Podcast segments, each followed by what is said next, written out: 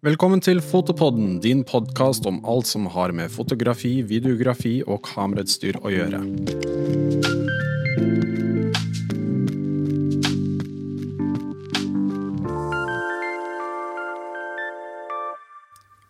For en liten stund tilbake nå så hadde vi fire foredrag på vår YouTube-kanal med dagens gjest i Fotopodden, Jonny Haglund. Velkommen! Eh, Du jo, eh, har jo flere internasjonale priser for bilder du har tatt opp gjennom årene. Og frem til i dag har fotografi ført deg til mer enn 90 land. Eh, Du er en Ken Nordic-fotograf og jobber mye med dokumentar- og reisefotografi. Ja. Velkommen. Takk. takk. Eh, Hvordan er, eh, hvordan er livet nå om dagen? Det er ikke så mye reising, kan jeg se for meg. Nei, det er ikke det. Det er koronagreiene. Men ja, det kommer godt ut av det òg, føler jeg. Mm. Altså, det blir jo mye tid til familie og tid til ting jeg ikke tar meg tid til ellers. Mm. For eksempel levere inn bilder til eh, Jeg jobber jo en del for Getty Images og ligger litt på etterskudd men lever inn bilder dit, så, så det er ikke så det er ikke så gærent. Nei. Du liker å ha litt pause noen ganger? Eller litt tvungen pause, kanskje? Eh, Ja, altså jeg, jeg, jeg reiser jo kanskje fem-seks måneder i året vanligvis, ikke sant. Så Mm. det er også innenfor Norge, da. Men, eh, men også har jeg litt fri. Jeg prioriterer da kan du si, foto og familie og trening. Ja. Det er de tre tingene som Og alt som kommer utenfor det, det er ikke forstyrrelsen, men det er uh, ting som kan vente. Mm. Det er de tre tingene som holder deg på en måte litt gående. Ja, Ja. det er helt riktig. Uh, la oss uh, begynne litt egentlig på starten. Husker du hvordan du ble fascinert, ble interessert, ble nysgjerrig på fotografi? Altså Jeg begynte i ganske ung alder. Jeg husker jeg var 14 år da jeg kjøpte mitt første speilreflekskamera. Mm. Det var eh, Olympus OM10, hvis jeg ikke husker helt feil. Bitte lite, og jeg var veldig fornøyd. Og, og jeg, drømmen var å bli naturfotograf, faktisk. Ja. Ta bilder av dyr. Så jeg dro ut i skogen klokka fire om morgenen for å fotografere rådyr. Det hendte jeg, hendte jeg var, var heldig å snubla over dem, men eh, det var jaggu ikke ofte. Så jeg skjønte at det Jeg var ikke noe god på det, da. Men jeg likte meg veldig godt i skogen. Og det var det første Og så begynte jeg å abonnere på fotografi, husker jeg. Det er et gammelt blad. Og Mm. leste det, og syntes det var spennende. Og, eh, og så vokste jeg opp med at jeg, jeg jobba Jeg reiste en del om vin, eh, vinteren da, i Norge. Jeg, også, jeg var i Norge om sommeren, og så reiste jeg ut i verden om vinteren. Og da også selvfølgelig gjorde at jeg fikk eh, interesse for foto. For at det, Mm. Det går sånn- litt hånd i hånd med reising, egentlig. Altså, ja, det gjør det eh, egentlig, men uh, Ja, det har gjort det i hvert fall de siste Mm. to tiårene. Så har det vært uh, Men det er litt sånn generelt også. Jeg merker jo at, eh, som vi har snakket om før, at fotografer er naturlig nysgjerrig. ja. og naturlig eventyrlystne. Og vil ut og utforske og finne nye motiver, nytt, fange ny, nytt lys og sånne ting. Så det er på en måte litt sånn Kombinasjonen der er veldig vanlig. ja. Det at liksom eh, fotografer er, liker å reise mye, men uh, kan også reise mye alene.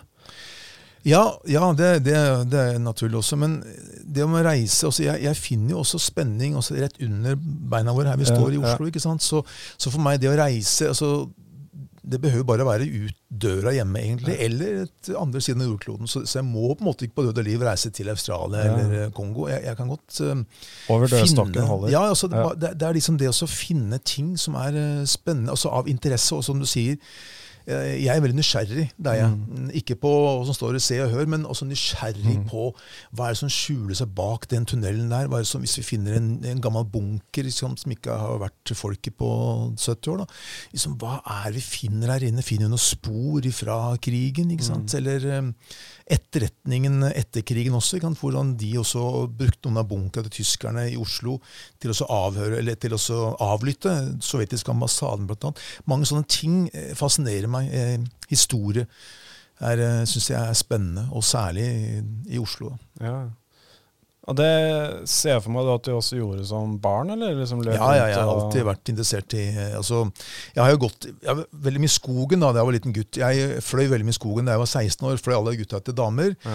Jeg gjorde for så vidt det også, men jeg gikk også veldig mye i skogen. Like mye i skogen som jeg gikk etter damer. Så, mm. så, så, så, jeg har alltid vært glad i å utforske ting, nysgjerrig på Og sånn som bare Østmarka, hvor jeg har vokst opp. og så bare det å finne nye steder i Østmarka. Det kan være gamle hus som kanskje er 100 år gamle. Altså noe, mm. Bare under grunnmuren står den, ikke sant? eller noen daler som er helt uberørt, som jeg ikke har sett. Mm.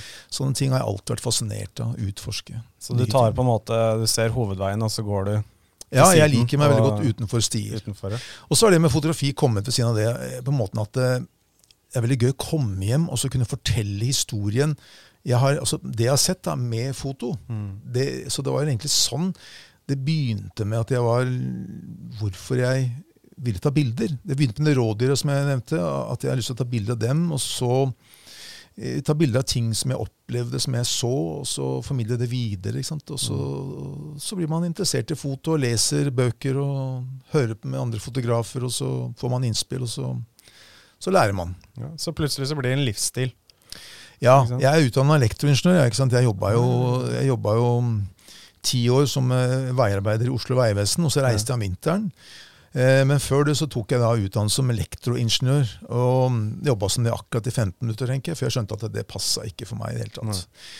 Og så klarte jeg jo Første gang jeg solgte en reportasje, var vel i 1994, etter en reise på Ny-Guinea. Og da fikk jeg på en måte en, en, smak på å leve et liv av å reise. For jeg, jeg er oppfatningen at hvis man vil noe i Norge, og hvis du virkelig vil, så kan du klare det. Det bare handler om at du, du, du må ville såpass mye at du er villig til å ofre en del andre ting. Og du, du, ja, du må virkelig stå på. Mm.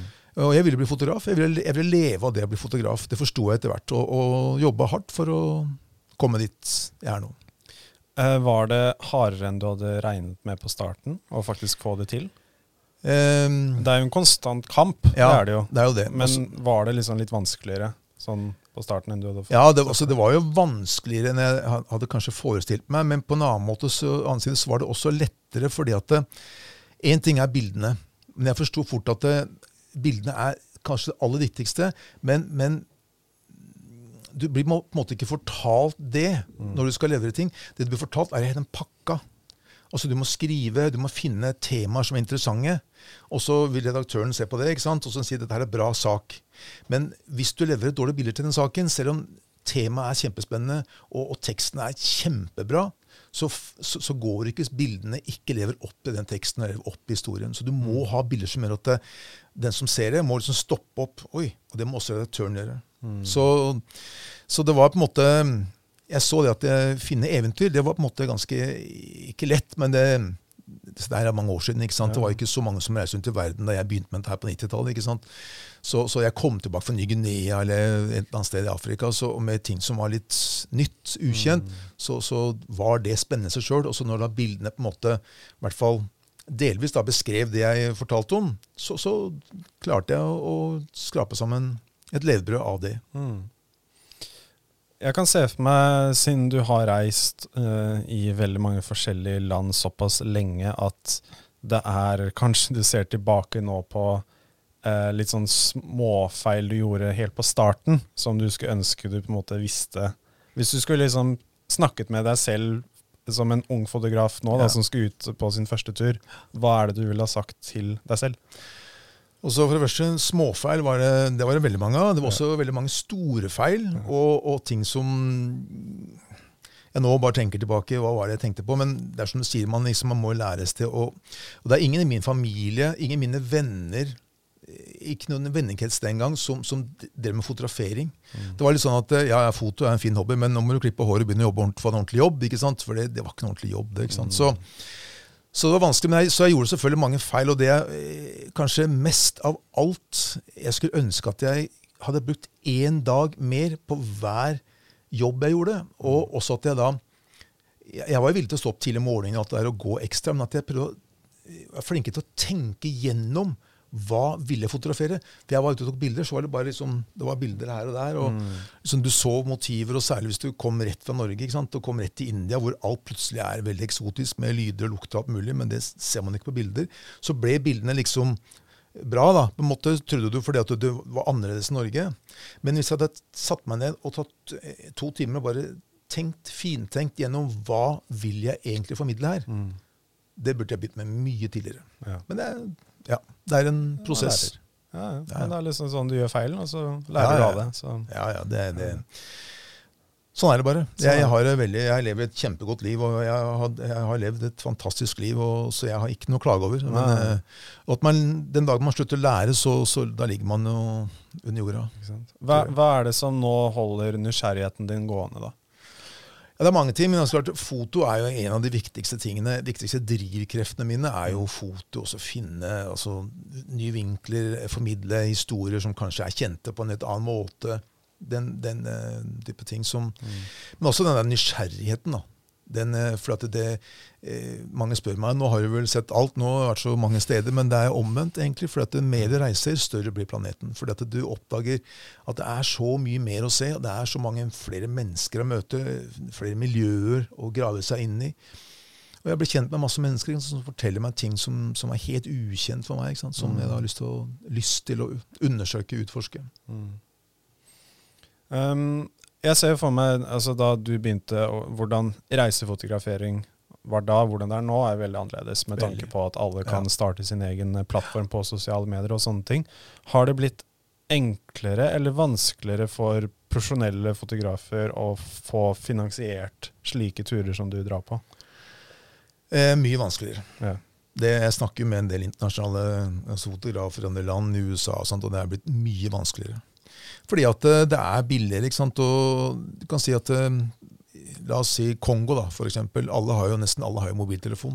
Og skjer det noe, så tar de bilde med mobiltelefonen. ikke sant? Det er, og det bildet er ofte så Selv om det ikke er så veldig bra sånn teknisk, så er det ofte det, det innholdet er der. ikke sant? Fordi de er midt oppi det når det skjer. Så for uh, The Guardian eller New York Times å bruke det bildet fremfor å sende en fotograf som kommer to uker etter at det har skjedd, Ja. og så fotografere hva som en gang skjedde, det blir liksom blir vanskelig. Mm. Så, så, så det er nok vanskeligere nå så Du må på en måte finne en nisje da, ikke sant? Som, som er litt spesiell. Eh, som kanskje ikke så mange driver med. Og det, da er det mulig å Og det må jeg jo si at eh, selv om nå har jo jeg vet ikke mange som tar bilder nå, men det er i hvert fall mange flere nå enn det var for eh, 20 år siden. med tanke på mobiltelefoner og alt mulig. Men jeg ser ikke så mange flere gode bilder i dag enn jeg gjorde for 20 år siden. Det gjør jeg ikke. Jeg ser mange flere bilder, men jeg ser ikke så mange Nesten så jeg vil si at jeg ser kanskje færre gode bilder i dag enn jeg gjorde den gangen der. Fordi at eh, jeg vet om flere gode fotografer som var gode for ti år siden, og sikkert gode i dag også, men som måtte finne seg en ny jobb også fordi at de, de klarte ikke å holde familien i live. Altså, de, de klarte ikke å tjene penger nok til å forsørge familien sin. Og valgte å slutte å finne en annen jobb. da. Og det er litt sånn eh, ja, litt skremmende og litt trist også, men eh, sånn er det.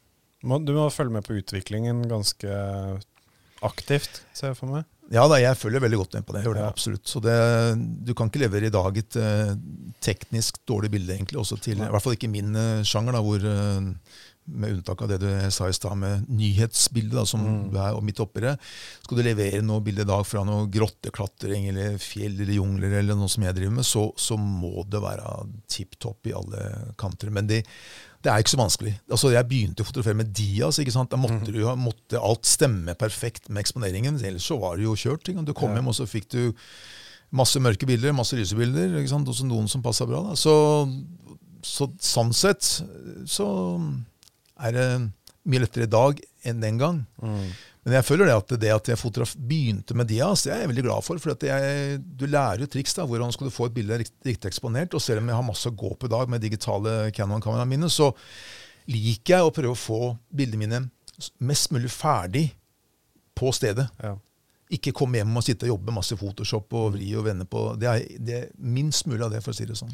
Det er en veldig viktig disiplin, det der som du snakker om. Det å på en måte begynne på med Ja, ikke med litt analogt utstyr, kanskje. Og, og begynne veldig lavt, og så skjønne hvordan du skal få et godt bilde med det, og så jobbe deg oppover. Så du blir veldig bortskjemt kan jeg si. meg, Ja. hvis du bare begynner rett på et veldig profesjonelt speil, speilhuskamera, Ja. sånn som er i dag.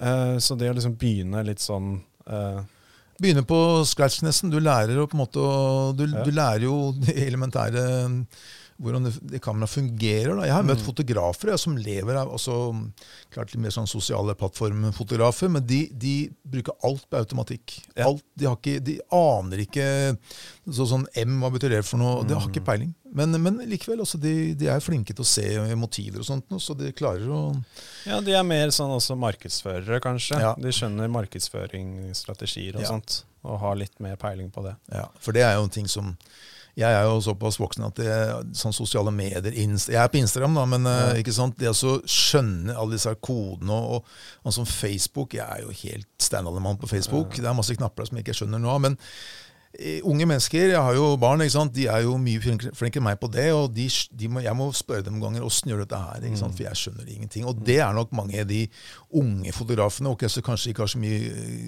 kunnskap om hvordan kamera egentlig fungerer, men de kjenner de, de kodene der, ikke sant. Så mm, jeg skulle gjerne ha lært litt der. altså. Ja, gjort en, gjort en sånn crash course. Ja, det har vært Men det er mange av de, de nye fotografene som også gjerne skulle hatt, hatt et crash course på analogfotografering, f.eks. Ja, ja. Fremkalling Ja. og sånne ting. Ja. Det er veldig interessant. Det gjorde vi litt grann på filmskole. Jeg skulle Mm. ønske jeg kunne gjort det litt mer. Men eh, jeg har fortsatt et analogkamera som jeg bruker en gang iblant. Ja, ja, ja, ja.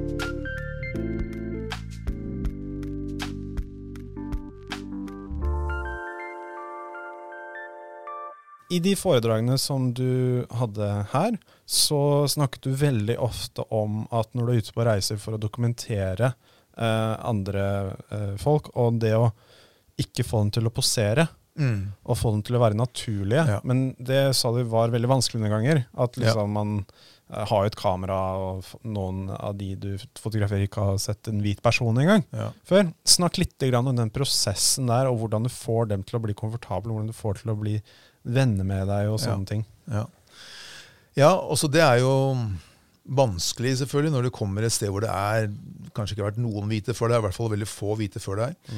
Eh, og, og mange ganger så, så kanskje frykter de hvite også. De føler at eh, ikke sant? De har kanskje hørt historier og sånt. Og, så, og, og da komme dit og få de til å slappe av foran kamera, er jo selvfølgelig ikke alltid like lett. Men, men det er sånne ting som, som jeg har gjort nå i mange år, og, og følte det er de tingene jeg kanskje behersker eh, best, kanskje. Også, fordi at jeg, jeg syns det er veldig gøy å møte nye mennesker. Jeg elsker å møte, og jeg er veldig nysgjerrig. for at det, Du må huske på én ting, at alle mennesker på jordkloden vil jeg si også, så å si alle sammen, da, er interessert i å snakke om seg sjøl.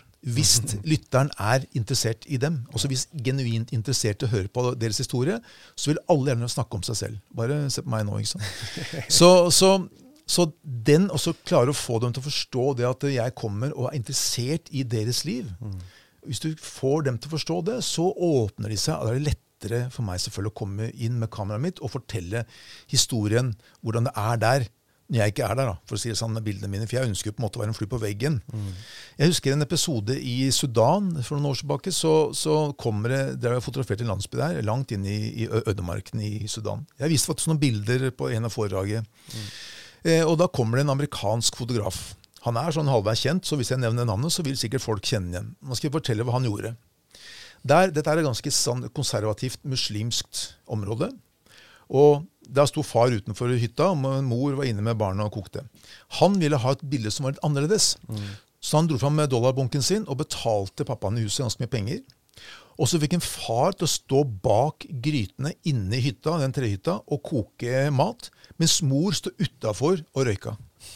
Og så det er jo, også, han har ikke manipulert bildet sånn etterpå med Photoshop, men han manipulerte i virkeligheten Ja. til de grader. Og det der, der synes jeg, det syns jeg var eh, Det var ikke noe ålreit. Så, så jeg ønsker å fortelle historien hvordan det er når jeg ikke er der. sånn, Og da bruker jeg først og fremst veldig mye tid. Og så snakker jeg med dem, prøver å fortelle via tolken min hvor, hva jeg ønsker, og hvorfor jeg vil ta bilde av dem. Fordi jeg vil fortelle folk i mitt land hvordan dere lever. For det er mange interessert i, sier jeg. Og så bruker jeg tid. Jeg er sammen med dem, snakker med dem. Og så en annen ting jeg også alltid gjør når jeg er på sånne steder hvor det er litt sånn avstand fra vårt samfunn. ta med bilder da, ikke sant, av familien min. Bilder av barna mine, bilder av kona mi. Og da ser jeg å ja, du har barn da. Da har vi liksom noe til felles. Også det jeg nevnte på foredraget òg, særlig i Kongo, hvor jeg viste bilde av kona mi, og høvdingen kikker på kona, og så smiler han og sier han, jaså, du har bare én kone, ja. Sånne ting som det gjør at vi på en måte kommer nærmere hverandre. For vi- er jo alle sammen mennesker. Ja. Og det er altså også få dem til å forstå at jeg også ser på det sånn. da. Så det er en eh, det er, det er eh, viktig eh, sak for meg. da, så... Og da får jeg de bildene jeg ønsker. fordi alle fotografer har en idé om hva som er et godt bilde. ikke sant? Og jeg har min idé, og, og jeg ønsker å være en fly på veggen og fortelle historien. Åssen det er der, når jeg ikke er der. Det er bra. Og det vi også har eh, snakket litt om, er den der motivasjonen bak det å søke ukomfortable settinger. Fordi vi har jo sett eh, de bildene som du viste, og hvor uh, ukomfortabelt det kan være på sånne turer og reiser, og det å komme seg til location. Og du sa det var en gang hvor det var et fly som kanskje kom om tre dager, så du måtte bare kjøre Ja, ja, ja. tilbake istedenfor. Og lage sånn, eh, bruer som ikke var ferdiglaget og sånne ting. Um, er det vanskelig å på en måte formidle videre til noen her i Norge hvorfor du ønsker å dra på sånne flukter, dra på sånne eventyr? Ja, også vanskelig å formidle. Ja, det er vel det til tider. Det føler jeg i hvert fall folk som jeg kjenner som har en helt vanlig jobb Ja. og et helt vanlig liv. Som på en måte de, La oss si det sånn at de, Gjennom vinteren så fryser de vel kanskje aldri. De går fra oppvarma hus til oppvarma bil til oppvarma kontor, og så andre veien tilbake igjen. Ja. Og så De kan si at 'Å, nå er jeg, jeg har ikke spist eh, lunsj på tre, eller mat på tre timer, jeg er sulten'. Liksom, det er nærmeste de kommer det å være utenfor komfortsonen sin. da. Ja. Så når jeg forteller at jeg da eh, drar inn i regnskogen i Kongo eller opp i eh, Sibir i 50 minusgrader og sånne ting, og, og sover i telt og gjør sånne ting, så, så syns de det er rart. De syns det er helt merkelig. Men det som jeg alltid sier, er at eh, hvis du skal leve et liv innenfor komfortsonen hele tiden, og så når du skal kose deg, hva gjør du for noe da? Så, så alt blir jo komfortabelt. Alt blir kjedelig. Mm. Jeg, jeg tok for meg litt et, et sitat der fra en som jeg fant faktisk i Aftenposten i går. George Bernard Shaw han sier, en irsk-engelsk forfatter, han sier endeløs ferie ville være en god definisjon på helvete. Ja. Det er så godt sagt, for det er akkurat altså, Det som er så fint med yrket mitt, er at jeg er La oss si jeg er i Kongo, da. En ting er at det er veldig ukomfortabelt, det er veldig varmt, det er masse insekter. Jeg sover på en, på en benk inne langt inn i regnskogen. Det er også farlig. Jeg liksom, du ligger på natta og lytter til lyder. Plutselig så, hvis du knekker en pinne utafor huset så, der du bor, så våkner du, for der er liksom militser og sånt i området der. Maten er det vi har med oss, og den blir jo gammel etter hvert. ikke sant? Så det blir liksom linser og ris, og det blir ikke mye Men, Og det er helt, helt greit. For når jeg kommer hjem da til Oslo Jeg kommer hjem til en, en, en varm dusj, en myk seng, en, en deilig en, en myk sofa, svær TV-skjerm og varm pizza. Og så, Det er jo himmelen, ikke sant? Og den kontrasten der mener jeg er gjør, beriker mitt liv. da. Og En annen ting også som er veldig viktig å påpeke, er at eh, det lader jo batteriene også i forhold til min kone, også min familie, mine barn. Jeg savner dem, og de savner meg. Hun, kona mi savner meg, og jeg savner henne. og alt som... Når man går på hverandre hele tiden, år etter år, så, man, så slutter man slutter å se de gode sidene, gode tingene, for man, så, man henger seg opp i de små tingene som man kanskje ikke liker. Mm. Ikke sant? Og men man kommer, får ting på avstand.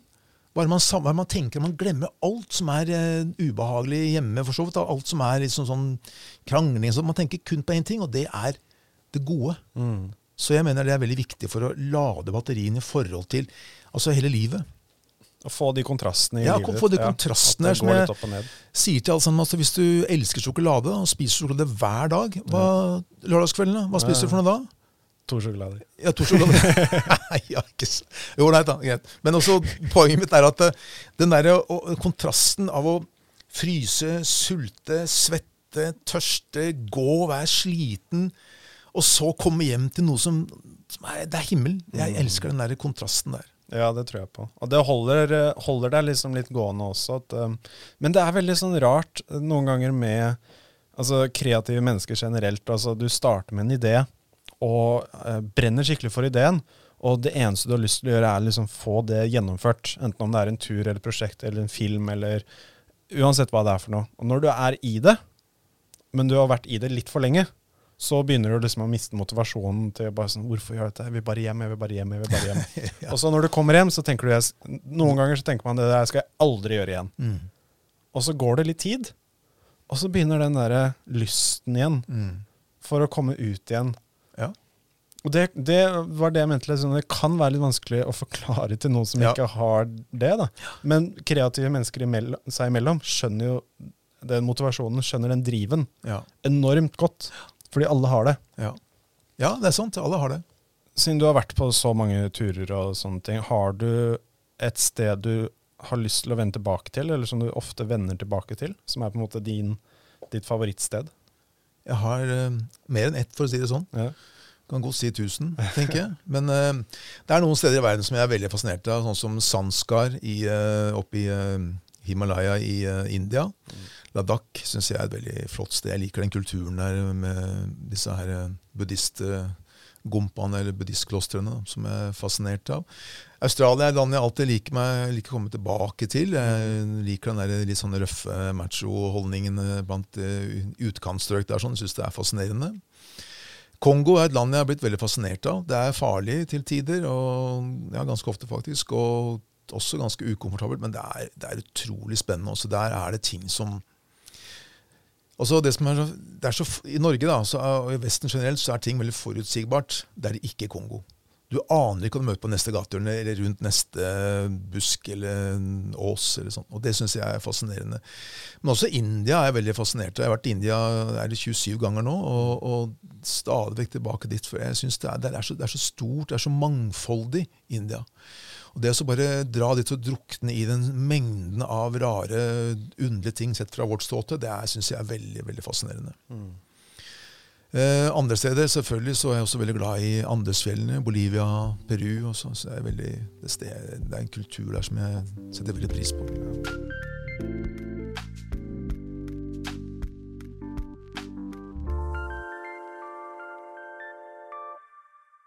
Avslutningsvis, når man kan få lov til å begynne å reise igjen, hvor er det internasjonalt nordmenn burde dra? Burde dra, ja. ja. Ok, skal vi se. Ja, også hvis du mm, Så ikke Magaluf eller Nei, nei det, du ikke kjøre, jeg skal, jeg skal ikke foreslå det, jeg også.